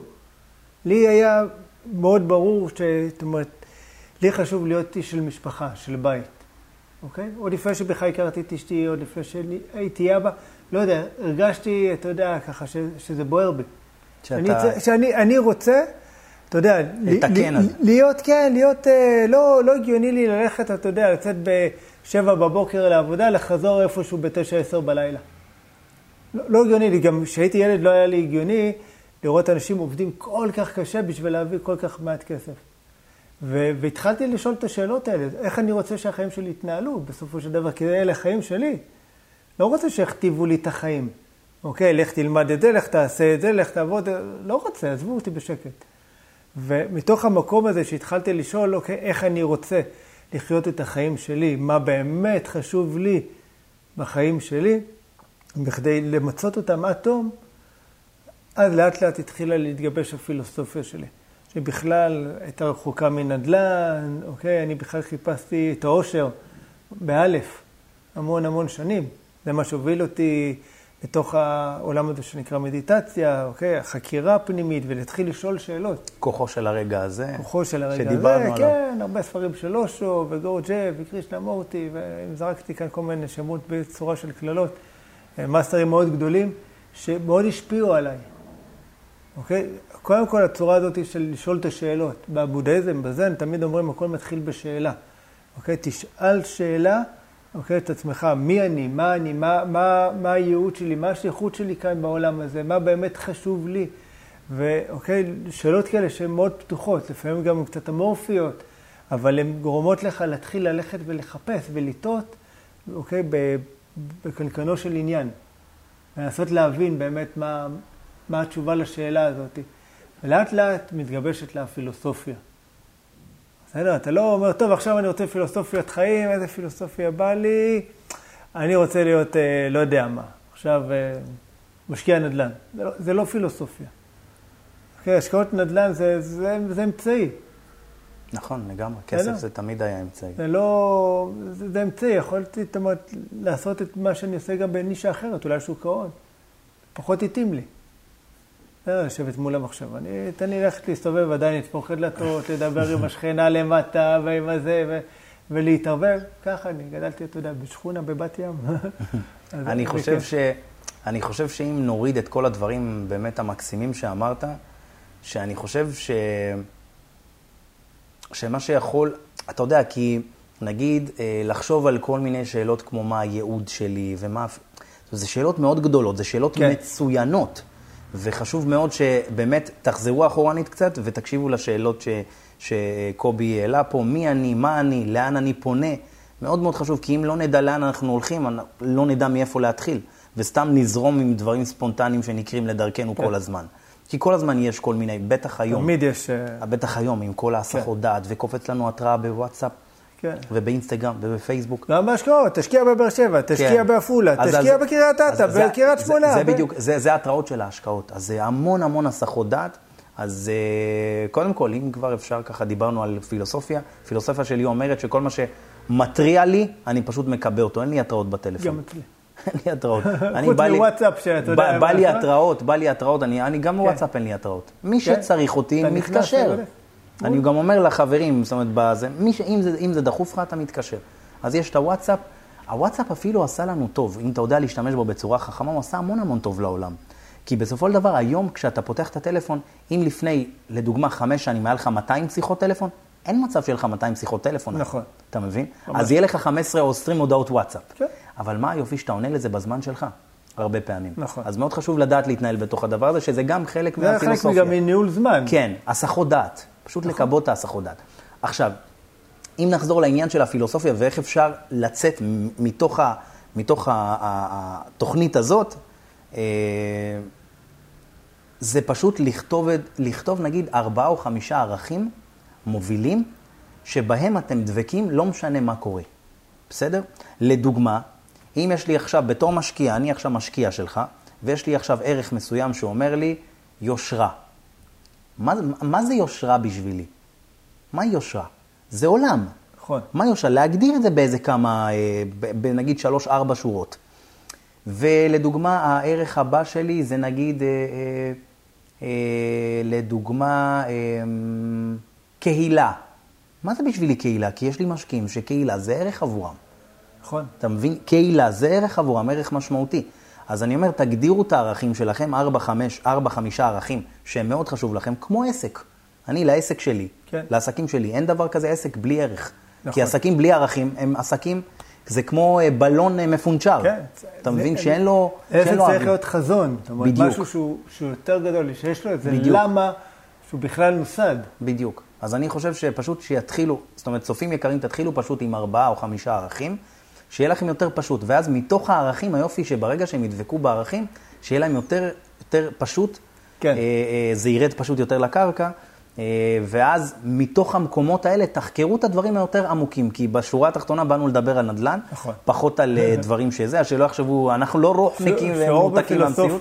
כן, אבל אה, אני חושב שבסופו של דבר, לא משנה מה נעשה, בשורה התחתונה, אה, זה באמת האג'נדה שלנו והרוח מאחורי העסק או היזמות הקטנה שעשינו עכשיו בקריית אתא או בבאר שבע, יש פה איזה משהו. נכון. כי בסופו של דבר, גם כשסוחר שלך, אחרי שקנית את הנכס, שיפצת, עשית, השבחת, עשית מה שצריך, גם הסוחר שלך בסופו של דבר הוא, הוא, זאת אומרת, כשאתה תדע מה הערכים שלך, אתה תדע לדבר את זה החוצה. וגם נכון. הסוחרים שלך, הרבה פעמים, אתה תראה משהו מדהים. הם מאוד מתאימים לערכים שלך. נכון. אתה מבין? אני, יש לי קשרים מעולים איתם. באמת, ומבחינתי הם... הם, אבל למה? הם לקוחות, אבל, למה? אבל למה? אבל כי הם חשובים לי. לא, כי יש לך מצפן, יש לך ערכים בראש, נכון. אתה יודע שזה הערכים. לדוגמה, אם עכשיו אמרנו, נחזור לערך הראשון, שסתם נתתי אותו כדוגמה, לדוגמה יושרה. כן. עכשיו, אם אני יודע מה, מה זה יושרה בשבילי, בוא נגיד שאני עכשיו הגדרתי בשתיים, שלוש שורות, שיושרה בשבילי זה באמת להיות אמין ולהיות, אה, ולהיות גלוי ולהיות ישר, עם תום לב מלא במשא ומתן עם סוחרים ועם מוכרים, מה כולם. עכשיו, סליחה, אם מגיעה לי עכשיו עסקת מציאה, שהיא 300 אלף שקלים מתחת, מתחת למחיר השוק, אבל יש פה משהו קטן. אותה המוכרת היא ניצולת שואה. ואתה יודע שאם אתה קונה את זה ב-300 פחות, אתה יודע שאתה תרוויח את ה-300, זה בכיס שלך. והיא לא יכולה כן. להגיד כלום, כן? היא מכרה מרצון, קונה מרצון, הכל בסדר. כן. מה אתה עושה? אם היושרה מלווה אותך, ועשית את העסקה, אתה לא תישן. נכון. אתה לא תישן, ואם חלילה אתה תשמע שהיא נפטרה, אתה תקפוץ מהחלון. אם יש לך מצפון. אתה מבין? אז לכן מאוד חשוב. כן. אני יכול, למה? כי הערכים בסופו של דבר זה המצפן צריך. גם קו אדום. זאת אומרת, אתה מבין? לפעמים אנשים אומרים, אה, תשחט. אני אומר, אנחנו לא שוחטים. יש תמיד משא ומתן. אבל זה קו אדום שלך, אתה מבין? כן. בגלל זה כל אחד יש לו את המצפן שלו. נכון. לכל אחד יש את המצפן שלו, לכן אתם תכתבו את הערכים שלכם ותגידו מה, מה זה שלכם. כמו שאמרנו, אם אמרנו יושרה, מה זה אומר בשבילכם? כי יושרה עבורי זה לא יושרה עבורך. זה כמו שאני אגיד לך מה זה, לא יודע, אתה יודע, זה משהו מאוד מאוד אמורפי, מאוד רחב. נכון. ש... אז, אז מאוד חשוב להגדיר מה זה בשבילכם כל דבר. ארבעה ערכים שהם, אותם תדברו החוצה לכל ההיבט הזה של ההשקעה. ובעזרת השם, פעם הבאה שאתם מגיעים לקובי, בקטע של אה, להכין לכם תוכנית עסקית, או אלינו, נשמח, אה, תדברו איתנו על העניין של הערכים. זה הערכים שמובילים אותי, זה מה שחשוב. לי. איזה נכון. כיף זה שאתה תקבל לקוח כזה. נכון. אתה מבין? אה. כשהוא מגיע הוא אומר לך, תקשיב, זה מה שחשוב לי, חשוב לי מאוד שיהיה לי את הדבר הזה. כן. עכשיו, הרבה אנשים מדברים עכשיו על חופש כלכלי. מה זה חופש כלכלי? עוד אלף שקל במשכורת? בהכנסה? עוד 500? או אולי עוד 40 אלף? אנשים אומרים לי, הם לא מדברים חופש כלכלי, הם אומרים לי, אני אומר להם, מה, מה המטרה שלך? מה, מה אתה רוצה להשיג? אני רוצה הכנסה פסיבית. אוקיי, כמה? אני רוצה להיות עשיר. אלף שקל הכנסה פסיבית תספיק, 15 אלף, 30, 50. צריך להיות מדויק, זה... מאוד. זה לגבי העניין של הצבה של יעדים ומטרות. אם אין לך מטרה ברורה, כשאין לך לא ערכים, תגיע. כשאין לך ערכים ואין לך פילוסופיה מדויקת לגבי החיים שלך ולגבי ההשקעות שלך והעסקים שלך, אתה פשוט, זה, זה כמו מצפן שאתה מוציא ממנו את המחוגים. כן. פשוט, אתה יודע, הוא לא זז. מה, ש, מה שבא, ברוך הבא. השארת את המחוגים, לקחת את המגנט, זהו, אתה- זה כבר לא, לא עובד. אתה מבין? אז, אז אני מאוד מאוד מאמין בזה. אתה יודע, כן. שאלו את איברהים לינקולן, אם היה לך, איברהים לינקולן, יש את המשפט שלו, המאוד, שאני הולך איתי הרבה שנים, אם היה לי שמונה שעות להשחיז גרזן, שש שעות, לא, איך הולך? אם, אם היה לי שמונה שעות אה, אה, לכרות עץ, שש שעות הייתי משקיע בהשחזת הגרזן. נכון. שזה משפט נכון. שהוא מטורף. זאת אומרת, יש- כמה יש זה מחזיר אותנו כל. הזמן לבייסיק. כן. תבין לאן אתה רוצה לנסוע. אתה רוצה תל אביב? שים בווייז תל אביב. נכון. למה לכתוב גם קריית שמונה, גם טבריה, גם... זה, תתמקד. זה לא רק על זה, זה גם לה- להיות מדויק בעשייה שלך. כתבתי על זה מאמר, אוקיי, באתר, נקרא להשחיז את הגרזן, זה בדיוק על זה, זאת אומרת, זה לדעת להיות כמה שיותר מדויק במה שאתה עושה, גם בהצבה של היעדים והמטרות וגם בפעולות שאתה עושה. צריכות להיות מדויקות, ובשבילי להשחיז את הגרזן, אוקיי? אני לא יודע מה בשבילך כבר אני סקרן לשמוע, זה, זה המדיטציה שאני לא מוותר על זה כבר 20 שנה, בוקר, בוקר, אה, הקריאה של הספרים, הספורט, אוקיי? זה מבחינתי ההשחזה של הגרזן. זה נותן לי את הדלק, אוקיי? להמשיך לעשות את מה שאני עושה בנחישות, בהתמדה, בלי, בלי לוותר, גם בתקופות קשות, אוקיי? קורונה, לא קורונה, זה, זה לא משנה, חם, קר, יורד ברד, זה לא משנה. אתה דיברת עכשיו על השחזת גרזן באספקט של החיים האישיים שלך, כן. אתה מבין? ומה הגרזן, מה השחזת הגרזן שלך בהיבט של השקעות? זה קודם כל זה הלמידה. אומרת, למידה. עוד פעם, תמיד לחשוב איך אני יכול להיות משקיע טוב יותר, מתוחכם יותר, גם הדרך שאני מגיע לעסקאות, ביצירה שלי של הקשרים הבין-אישיים, אוקיי? בכלל עם כל מי שמסביבי, אם זה המתווכים, בעלי מקצוע, בסדר, אני מנהל בסופו של דבר צוות שלם שיש לי. מעורכי דין עד, אה, לא יודע מה, טכנאי מזגנים, דלתות, אוקיי? והכול. אנחנו מספקים כזה אה, את הכל תחת קורת גג אחת. אבל אה, אני חושב שהכל מתחיל אבל בהשחזה של הגרזן האישית. לפני בכלל הנדל"ן, כי הרבה פעמים אני רואה אנשים שרוצים לעשות נדל"ן, אוקיי, סבבה, הולכים, עושים איזה קורס, חודש, חודשיים, שלושה, חצי שנה, מחזיקים בעבודת שטח, ואז הם חוזרים לקורסה בבית, לנטפליקס, והכול סבבה. אוקיי, ואז אבל נדל"ן זה לא, לא בשבילי, זה קשה, לא, נראה לי שאין כבר מציאות כאלה, אין דברים, אתה, אתה, אתה מבין? מתחילים לספר לעצמו כל מיני סיפורים.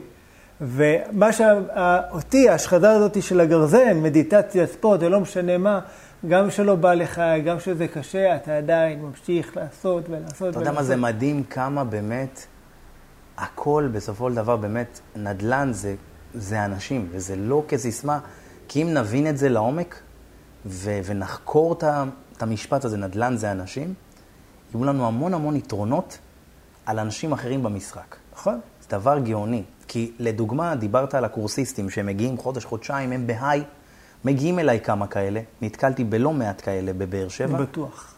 היום אני גר אמנם ב... לא מתגורר בבאר שבע, אבל אני אומר, עדיין יש לי משרד שעובד בבאר שבע, זה לא משנה איפה אני גר, אני גר במרכז הארץ. כן. ואני אומר, אבל זה מאוד מעניין לראות שהאנשים האלה שמגיעים אליך, הם, יש להם ספידים. אתה, אתה חושב שהם על טריפים או משהו, אני לא צוחק. הם כאילו נותנים לך תחושה שהנה עוד חצי שעה, יש כאילו, אתה יודע, כל כך הרבה מנטרות, כמו נגיד, כסף זה לא בעיה, כל מיני כאלה, סבבה, יש הרבה דברים שאני מתחבר אליהם, אבל צריך גם לחבר את מה שלמדת בקורס לשטח. כן. אתה מבין? כי בסופו של דבר אתה מגיע להם עם עסקה טובה, שהיא פצצה והכול, ופתאום שבאמת כסף הופך לבעיה. אתה מבין? כי אם אתה לא בן אדם שאפשר באמת לסמוך עליו, ואתה... כאילו, מה נראה לך? הלכת ללמוד חודשיים ופתאום אתה תתחיל לגייס אנשים משקיעים שזה יביא לך 150 וזה 250? אתה נכון. מבין? כאילו, עם כל הכבוד. אנשים לפעמים אומרים לי, כן, לא, אני עכשיו הולך, אני אמצא עסקה טובה, אני אביא משקיע. אני אומר, לא, תראה, גם אני בהתחלה חשבתי ככה. סם, זה ואז שהגיעה עסקה טובה פעם ראשונה, אמרו לי, איך אתה יודע שזו עסקה טובה? אתה השקעת כבר? אה, לא. ואז אמרו לי, אז למה שאני אשקיע? כאילו, תעשה אתה, ואז אני אראה שזה יצליח לך, ואז אני אשקיע. חבר'ה, גם... אתה, אני... אתה מבין את, את העניין, זאת אומרת, זה, אנשים רוצים גם הוכחות. אחרי שבאמת עשיתי, והיה לי קבלות, הנה, תראה, עשיתי את זה, ככה, ככה, היית ככה. היית משקיע אצל וורן באפט? בטח. גם אני. אז זה בדיוק העניין. בטלפון, תן לי מספר חשבון בנק, אני עושה העברה. זה בדיוק העניין. חברים, אני באמת אומר לכל האנשים שעשו קורסים ויעשו קורסים, צניעות, צניעות, נכון. חברים, צניעות. אתם צריכים לשרוף כל כך הרבה, אתה יודע, תעשה קודם כל איזה עסקה, שתיים, שלוש, תתחיל ככה, בדיוק, לאט לאט. אתה יודע, ללכת, אני באמת רואה את זה, ואתה יודע, עשיתי גם כמה משאים ומתנים, נכנסתי למשאים ומתנים של צעיר אחד שמגיע בין איזה 24, אני ואני ואני מספר לך סיפורים, אני מגיע, הנה, אתה יודע, אין כסף, אין, אין בעיה. אתה מגיע לעסקה, אין לו כסף. כן. יום אחרי אנחנו מוכרים כבר את זה למשקיע אחר, שהיא נכון. עסקת מציאה. ומה, למה... מח... אחי, אתה מנסה לשכנע חברים שלך, או אנשים שעובדים איתך, אנשים שמרוויחים משכורת מינימום, מנסה לשכנע אותם להיכנס לעסקה של 600-700 אלף שקלים. כן. מאיפה? לפני שיפוט. לך תכניס אותם עכשיו לשותפות, לך תכניס אותם לח... זה לא... עוד לפני שהם יודעים שאפשר לסמוך עליך. האנש... לרוב האנשים לא מתאימה שותפות. קודם כל, בוא, בוא נגיע נכון. תכלס. נכון. בשטח, לרוב האנשים לא מתאימה שותפות. ואם אתה מגיע עכשיו, ואם זה לא איזה אבא שלך שרוצה לדחוף אותך עכשיו לעסקי הנדל"ן, למה שאני אשקיע אצלך? מי אתה? אני אלך אשקיע אצל אלצ'ול שחם. כאילו, מה אני צריך אותך? אז עשית קורס של חודשיים-שלושה, נהיה לי באמת אה, גאון נדל"ן. עם כל הכבוד, חבר'ה, באמת, קצת צניעות, הכל בסדר. תעשו את העסקה, תעשו שתיים. אתם יודעים מה? אתם יכולים גם להתחיל, ב, אה, כמו שאני התחלתי. אז דיברנו על הסיפור. נכון. סיפור הוא בהמשכים. אתה מבין? עוד, אה, אתה יודע, אחרי זה יש את רשת ברוקר, שזה הרבה מאוד דברים, אבל נגענו ככה בדברים החשובים. אבל אני רק אומר שבסופו של דבר, באמת, אני חושב שהשיטה הטובה ביותר להתחיל נדל"ן, זה אה, לעבוד כמתווך, אם אין לך את ההון העצמי והכול. אני מדבר אם ברמה כן. שאתה רוצה להבין ולהתנסות והכול ולעזור באמת לאנשים, אני חושב שזה ה... זה, זה יכול להיות אחלה דרך. גם, ככה אני למדתי גם ללמוד את, את, את, את התחום של הנדל"ן מבתוכו, כמו שאתה למדת, כן. להכיר את בזק, כן, אוקיי? מה המניע, למה הם לא שולחים טכנאי? אם לא היית שם יושב במוקד, לא- נכון. לא, לא היית יודע בחיים, נכון. אני לא ידעתי. נכון. למרות שהיום, להבדיל ממה שהיה כשאני התחלתי, אה, יכול להיות, אולי אם היה אז מלווה משקיעים וכאלה, אז יכול להיות איזה, אבל תראה, לא היה לי כסף יותר מדי לנדל"ן בתכלס. אתה מבין? אנחנו מדברים כרגע על אנשים שיש להם קצת הון עצמי ורוצים להתקדם. אבל uh, אני חושב שבאמת אם יש לכם זמן ואתם צעירים והכול, אמ, קודם כל, בגלל שאני באמת חושב שזה דבר מאוד מאוד חשוב, בעיקר לאנשים באמת צעירים, לאו דווקא חייבים להיות צעירים, אבל הרבה צעירים בדרך כלל הולכים לקורסים ואז מרגישים שהם, אה, אתה יודע, לא מזלזל באף אחד, כן? כן. אבל שוב, אתה יודע, כמה פעמים השקעת, כמה זמן אתה בתחום, כאילו לא באמת עשית עם זה משהו. אז חשוב מאוד חלילה לא להכניס אנשים לכל מיני משפחה שלכם או קרובים לברוך כלכלי, אתם יכולים להיכנס לברוך, ואני ראיתי כבר עסקאות של אנשים שאין להם מושג, נכנסו לעסקאות ומפסידים. עסקה אחרונה שאני ראיתי, 240 אלף שקלים mm. הפסידו. והוא הביא שני משקיעים חברים שלו. אתה מבין? זה... איך אתה יכול להסתכל על האנשים האלה? עזוב שהם לא יהיו חברים שלך בחיים והם לא סובלים כן, אותך. כבר לא חברים. אבל כאילו, תיזהרו עם הדברים האלה, זה מאוד מאוד מסוכן. בטח שאתם נכנסים לערים שאין לכם מושג. אתה יודע, גם בערים שהם משקיעים, באר שבע, קח כל עיר, קח את קריית שמונה, קח את... אני חושב שהיום רוב הערים הגדולות בארץ הן מפוצצות משקיעים. אתה מבין? זאת אומרת, גם קריית אתא... אבל, מה זה אומר? מה זה אומר? שאתה כל כך צריך לדעת את השוק, בגלל שהשוק רווי? כן. אתה, אתה צריך לחפש את זה, אתה יודע, בפינצטה. לחלוטין. לפני 15 שנה או 12 שנים בבאר שבע, איפה שלא היית זורק אבן, היית קונה נכס, זה היה עולה. כן. היום זה לא המצב. אתה מבין? יכול להיות מאוד שאתה תקנה נכס והוא לא יושכר. אתה מבין? בגלל העניין של. וואו, כאילו זה כל כך רווי שזה כבר נהיה... אני אישית, דרך אגב, באזורים מסוימים, אני אומר לאנשים, אני רוצה סטודנטים, לדוגמה. כן. אז יש אזורים שאני אומר להם, חבר'ה, אל תיכנסו לשם. כי כאן לא יהיו סטודנטים, סטודנטים לא יבואו לגור כאן. וגם יהיה לכם מאוד קשה להשכיר. כי ברגע שאתה עושה פרסם ביד שתיים, את כן. אותו נכס שלך, עוד אלפיים נכסים מתפרסמים, אז מה הסבירות שאת הנכס שלך נכון. ישכירו? זאת אומרת, כי גם אם יבואו להשכיר את הנכס שלך, אתה צריך להשקיע בו המון, כי אתה צריך איזה בידול מסוים. ב... כי כולם נראים אותו דבר, כולם תפוח. תעשה את זה תפוז, יגידו, וואו, זה מיוחד. נכון. אתה מבין? אז זה כאילו... הרבה פעמים בסיורי שטח, אז אני אומר להם, תמיד תחשבו על האקסטרה מייל שאתם יכולים לתת. על איזה חותם אתם משאירים בנכס שלכם, שבן אדם כבר עשה סיבוב, אוקיי? וייכנס לנכס שלכם, הוא יגיד, וואו, כאן אני רוצה לגור. כן. אוקיי? אז, אז, זה... אני, כן. אז, אז אני אומר, אם אנחנו נחזור לשניונת לעניין שלה באמת אה, מש, אה, לעבוד בתיווך, במידה ואתם רוצים באמת להיכנס לתיווך, אה, וללמוד את הנדל"ן בחצר, מהחצר האחורית, דברו איתנו, יש לנו סניפים מבאר שבע, מאילת ועד מטולה. כן. אז כאילו זה, לנו זה באמת, אנחנו נשמח... כן, אנחנו נשמח באמת לקבל אתכם. עכשיו, העניין של התיווך לא מתאים לכל אחד. זה, אני יכול להגיד לך ש-80% מהאנשים שמגיעים אלינו לא, לא נכנסים לתחום, כי אנחנו לא רוצים. חבל לי, אתה יודע, סתם לאנשים לשרוף להם את הזמן, וגם לשרוף למשרדים שחונכים אותם, למשרדי ברוקר שחונכים אותם וסתם ישרפו זמן. העניין הוא שאם אין לכם את הזמן, בטח שאני ממליץ על מישהו שילווה אתכם ברמה של ההשקעה. כמו לדוגמה אתה, עם כן. השירות שאתה נותן, אין ספק בכלל. אם אני עכשיו משקיע, אני שם את הכסף אצל מישהו שבאמת יעזור לי להבין את הדבר הזה שנקרא נדל"ן. כי זה עולם ומלואו ללמוד גם. תבין כמה שנים לקח לי ללמוד. זה מטורף. אז בא לי בן אדם עם ניסיון מטורף, נותן את, את, את, את הגרנטי שלו, את החותמת. זה נכס טוב. כן. תבין איזה שקט אתה נותן לאנשים. נכון. אני תמיד אומר, אני לא, בסופו של דבר אני לא מוכר שום דירה. אוקיי? אני מוכר ודאות, ביטחון, אוקיי? ושקט נפשי. בהשקעה, ש, שהם יודעים שמה שהם עושים באמת נכון, שהוא באמת טוב. זאת אומרת שהם קנו נכס במחיר טוב, ש, אוקיי? שהם יודעים בדיוק מה לעשות, אוקיי? בכמה הוא יושכר באמת. הכל מאוד מאוד ברור. אין, אין סימני שאלה. אין הפתעות אין, תראה, נראה לי הוא יושכר בין 2,000 ל-2,500, אולי 2,700, אני לא סגור על זה. אין. יש משהו מאוד, יש מספר מדויק. אתה יכול להגיד, זה יושכר בין 2,000 ל-2,200, תלוי איזה גימורים נעשה, באיזה עונה נוציא אותו לשוק וכאלה. אבל זה טווח שהוא קצר, כי שהוא קטן. זאת אומרת שבסדר, אפשר עוד להסתדר, אתה יודע, משק אלה פה, לשם. אוקיי? זה הגיוני, זה, זה גם קורה בשוק באמת. אוקיי? תלוי בקומה, תלוי בכל מיני פרמטרים. אבל אתה, ככל שאתה מכיר טוב את השוק, הפער הזה הולך ומצטמצם, אוקיי? הוא באמת הופך להיות דק, אתה יכול להגיד בדיוק כמה לגמרי. נכס הזה יושכר. אתה... בטח כאשר זה אזור שאתה מתמחה בו. לחלוטין. באזור שאני מתמחה בו, אתה תעיר אותי ב... ב... בשתיים אה, בלילה ואני אדע מה להגיד כן. לך, כמה אתה תקבל, כמה הוא ימכר, כמה הוא... אישית, אני לא משקיע במקום שאני לא מכיר. אם לא עשיתי חקר שוק, אם אני לא מכיר את, ה, את האזור הזה כמו הכף יד שלי, לא מעניין אותי. ואני אקבל לפחות כמה, כמה הצעות בשבוע. בוא, ויש עסקה, אני אומר, אני לא יודע. מה, עכשיו אני אלך בשביל עסקה, להתחיל ללמוד את השוק ולעשות חקר שוק? זה עולם, בטח. ו... לא יודע. אוקיי? לא, לא מסתפק באתר רשות המיסים, לא נכנס אפילו אליו, לא מעניין אותי. אני יודע בשטח באמת כמה הדירות האלה נמכרות, וכמה כמה. מושכרות, איזה סוג שיפוץ צריך לעשות להם, מה השוק באמת דורש מבחינת שיפוץ, דירה מרועטת, לא מרועטת, אוקיי? אם כן, איזה סוג, מה... פונה למגורים, לצעירים, כן, סטודנטים. בדיוק. מהקהל יעד, עולם. מה מומי, מה חשוב לאוכלוסייה שם. זה המון המון המון המון שאלות והמון אינפורמציה שלפעמים, אתה יודע, בסיורי שטח היא שאומרת לי, בואי, כמה, כמה ידע, כאילו...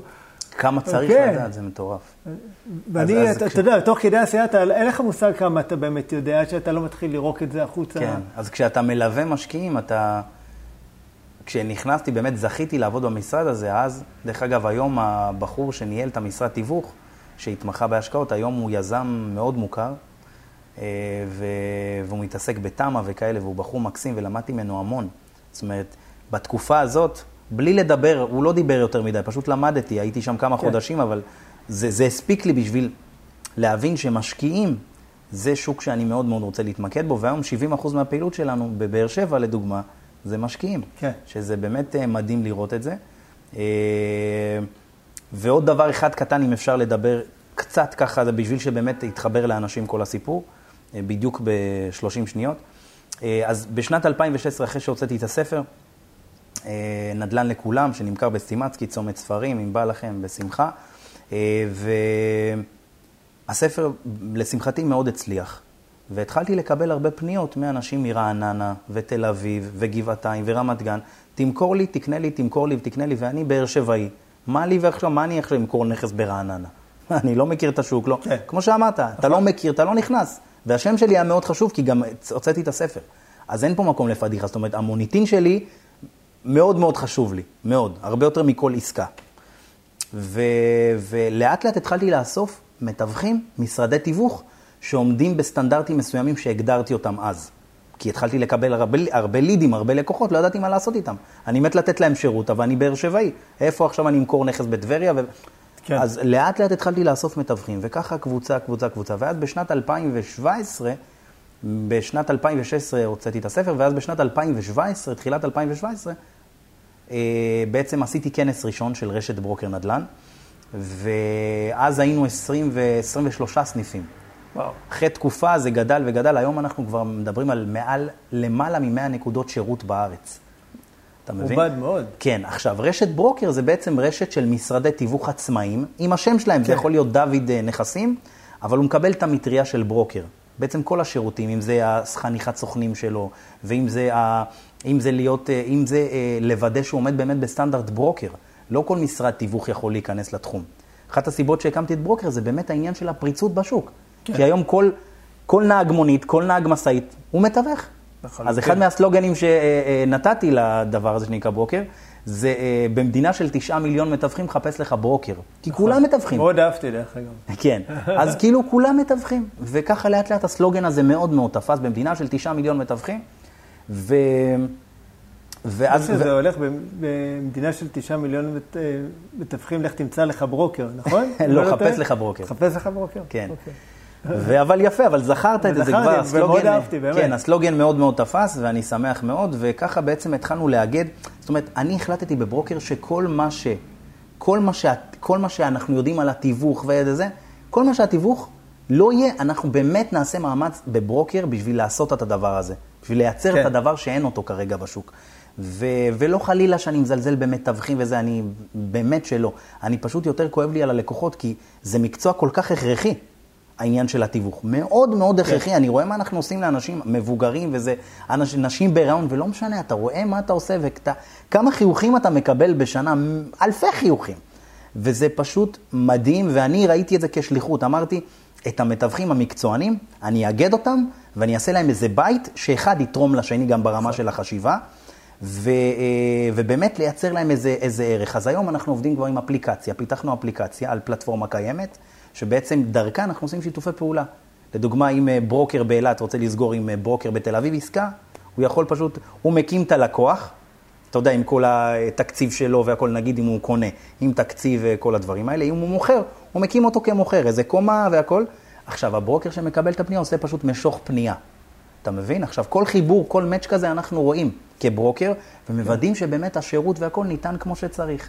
אתה מבין? מדהים. זאת אומרת, לכל הדבר הזה יש לנו גם פידבק שירות. הלקוח, לדוגמה, יכול עכשיו להיכנס לתוך הכרטיס ביקור של ברוקר, ללחוץ על פידבק שירות במידה והוא קיבל שירות לא טוב, או כאשר הוא קיבל שירות טוב, גם אם בא לו לפרגן. כן. ואז הוא נכנס, חלילה, ברוקר מסוים נתן לו שירות לא טוב, הוא נכנס, כותב, "אה, נתן לי שירות לא טוב, אנחנו אוטומטית תוך שעתיים מתקשרים ללקוח, מה קרה? בוא תסביר לנו, בוא נפתור. וזה פשוט מדהים לראות איך הלקוחות מגיבים לדבר הזה. מה, אני לא מאמין. אתם באמת חוזרים אליהם? אחי, זה פשוט הלם. ואז כשראיתי, התחלתי, באמת שזה עבד, אמרתי, בואנה, אחי, זה מטורף. זה מה שאנחנו גורמים לאנשים? אמרתי, זהו, אה, כאילו, ממש, ראיתי את זה כשליחות. כי אתה רואה את המתווכים המקצוענים, שיש הרבה מאוד חאפרים שפשוט הורסים להם את השם. כן. אז אמרתי, טוב, אני אהיה המגפון הזה, שעומד על הבניינים הכי גבוהים וצועק, חבר'ה, ברוקר ראשונה, בואו תראו. ואתה רואה את הדבר הזה, ושברוקר פשוט הפכה לשפה, ואתה רואה שזה מדביק את כל המתווכים גם שלא בברוקר. דרך אגב, לא כל המתווכים. לא כל המתווכים שהם לא בברוקר הם לא מקצוענים, יש מקצוענים מטורפים גם ברשתות אחרות, וגם מתווכים עצמאיים שהם מדהימים. אני מכיר אותם ועובד איתם, שהם אנשים נדירים. אבל אני כן יכול להבטיח שאנשים בברוקר זה אנשים שפשוט בדקנו אותם. בדקנו להם חשבוניות של עסקאות, שהם באמת עובדים, שזה לא סיפורים, שהם עובדים במשרה מלאה, שהם לא עובדים תוך כדי במאפייה ותוך כדי מראים נכסים. כן. כמה זה, כמה זה דופק לנו? פיתות, יש לי גם דירה למכירה. אתה אם מבין, רוצה... או הספר מספר אותך, שומע אחי, יש לי איזה, איזה, בוא נראה לך את הנכס. מה אתה שולה מוכר? אז אנחנו בודקים גם את ה, אה, כל המ- המשרדי תיווך אצלנו הם מעל שלוש שנים בתחום. כמו שאמרתי, עסקאות. אה, ויש להם משרד פיזי, פעיל. הם חייבים לעבוד עם אפליקציה וחשבוניות דיגיטליות והרבה מאוד דברים, וכל הדבר הזה זה מטריה שאנחנו אחראים עליה. חלילה, אותו מתווך, אותו ברוקר נתן שירות לא טוב, יש אותנו שניתן בראש. אם קיבלנו שלוש תלונות באותו רבעון על מתווך, על ברוקר, אנחנו אומרים לו, אחי, תמשיך להיות מתווך. אנחנו בברוקר, השירות הוא באמת כן. מעל הכל. אני חושב שאנשים היום, מאוד חשוב להם השירות. חד זאת אומרת, וחלק. אחרי שנכוונו כבר מכל מיני חברות גדולות והכול, הבנו, ש... הבנו גם מה חשוב לנו, לגמרי. אוקיי? ואנשים אומרים, אוקיי, סבבה, אני אקנה, אבל חשוב לי, זה לא רק המוצר, אלא גם השירות שאני מקבל על המוצר. לדעת שיש לי אבא ואימא, שיש מי שבאמת דואג אבא לי. ואימא, זה מה שאנשים, אוקיי. אתה יודע. זה, זה חוזר לדברים הבסיסיים. אני דיברתי אתמול עם לקוח בערב, ועם לקוח שנתן פידבק, לא וואו, אבל פשוט הייתה כן. אי הבנה, הרבה פעמים זה אי הבנה. אבל כשמתווך רגיל בא אליך הביתה, אין לך למי לפנות, תבין. אז עם מי תדבר? עם, עם אה, לא יודע, עם אה, חבר שלו שמנהל איתו אחד. זה בעייתי. אנשים כן. רוצים גוף שלישי שלא קשור למשרד. ואתמול דיברתי בדיוק, ואני עושה כמה שיחות כל חודש. כל מיני אי הבנה, אה. אני מתקשר ללקוח, ומה הוא אומר לי? איזה כיף להרגיש שיש אבא ואימא. זה כיף, אני, אני מילאתי את זה כי הוא אמר לי למלא וזה, והוא אמר לי, אתה יודע מה, אם אני עשיתי לך לא טוב, תתקשר, בוא נראה מה אפשר להגיע באמצע. והם התווכחו על שכר טרחה של המתווך. והגענו לאמצע. הוא אומר לי, איזה כיף שיש אבא ואמא, אני אמליץ על רשת ברוקר לכל החברים. אז אני אומר, זה מדהים שהרבה פעמים, לא משנה, גם ביזמות מסוימת שאתם עושים, קונים דירה דרכך, או... תמיד תחשבו על, ה, כמו שאמרת, על השפיץ הזה. כן. כאילו, מה אתם יכולים לתת בנוסף? כי יכול להיות שזה שפיץ מאוד קטן, שיכניס לכם כסף יפה, ובאמת יעשה טוב לעולם. נכון. אתה מבין? לפני שאנחנו ככה מסיימים, אנחנו עוברים לפינה הגבוהה שלנו, נקראת השאלון המהיר. חוקים מאוד פש... אה, פשוטים. אני שואל... איזה באסה? שמסתיים, היה לי כל כך כיף. אתה בא לפה בלי קשר עכשיו ל... יאללה, סגור. זה היה התיאום שלנו מראש. אתה מלווה אותי להשקעות מעכשיו. יאללה, באהבה. אז אה, אני שואל, אתה עונה תשובות מהירות, אוקיי? אה, אתה מוכן? אז נתחיל. אז תאר לי את עצמך בשלוש מילים. אופטימי, מחליט מהר ואוהב את החיים. חזק. מי הוא האדם שהכי השפיע עליך? אבא שלי, חד וחלק. וואו. אבא שלי אדם גאון. דיברת עליו גם אה, שנפגשנו ככה. כן, אני מדבר. עליו והוא מרגש אותי. אבא שלי הוא נכה ברגל אחת. הוא נורה במלחמת האזרחים באתיופיה. וכשהיינו באתיופיה הוא היה הולך 15 קילומטר הלוך חזור, כל יום, תבין, עם רגל פצועה שנורתה, כן? כל יום 15 קילומטר בשביל להאכיל אותנו. אז כשאבא שלי, אני רק מדבר עליו, אני כולי, וואו, תקשיב, צמרמורת. זה, זה הוא מטורף. מדהים, מדהים, מדהים. הוא גאון, אחי, הוא גאון. אוקיי? כמה נחישות, כמה התמדה, כמה. כוח רצון. תבין, ואני עכשיו אבכה לא לעבוד או לא כן. לדפוק בדלתות? מה זה בשבילי? אני רק רואה את הרגל שלו בקושי זה, אני אומר, כאילו, כאילו, אחי, היה הולך 15 קילומטר עם רגל אחת. רבים על פחות מזה, אתה יודע, מוותרים. מטורף. אז זה, זה ההשראה שלי בחיים. באמת, אה, מצמרר. מודל להשראה. ספר מומלץ, ספר מומלץ, אה,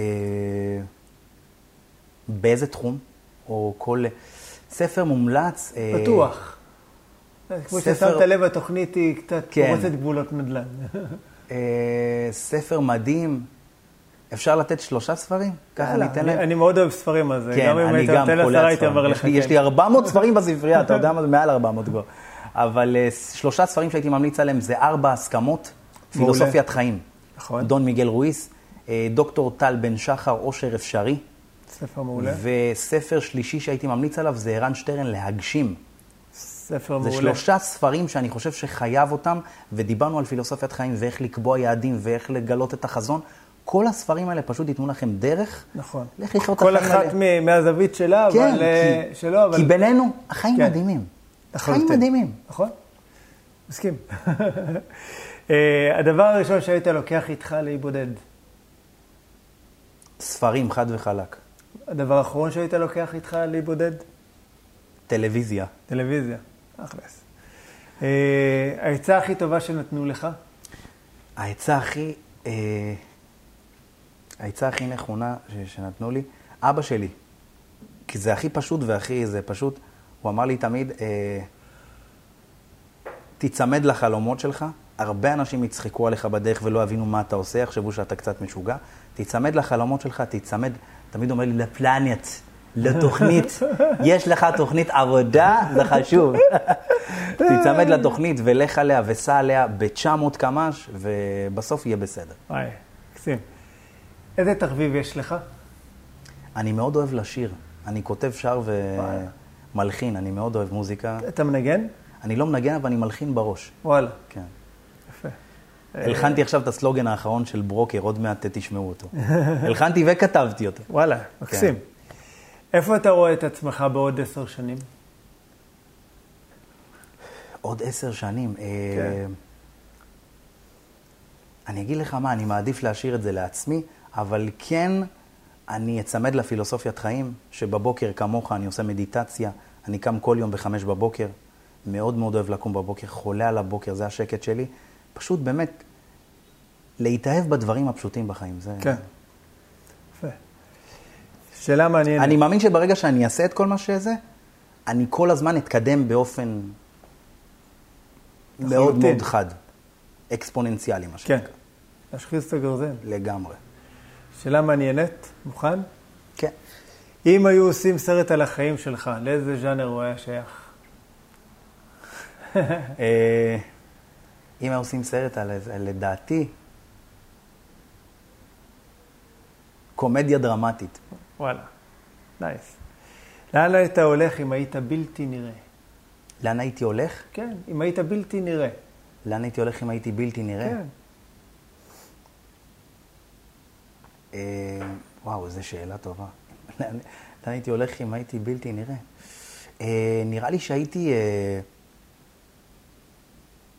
מתגנב לאיזה ישיבת קבינט, בשביל לראות מי עובד ומי לא. כן, איך הם מקבלים החלטות. כן. אה, עזוב, עזוב אותך, תפגיד, עזוב, תביא לי אבל את הבורקס. בורקס. ואז אתה רואה מי אוכל את הבורקס וכמה הוא משאיר, וכמה הוא באמת קשוב.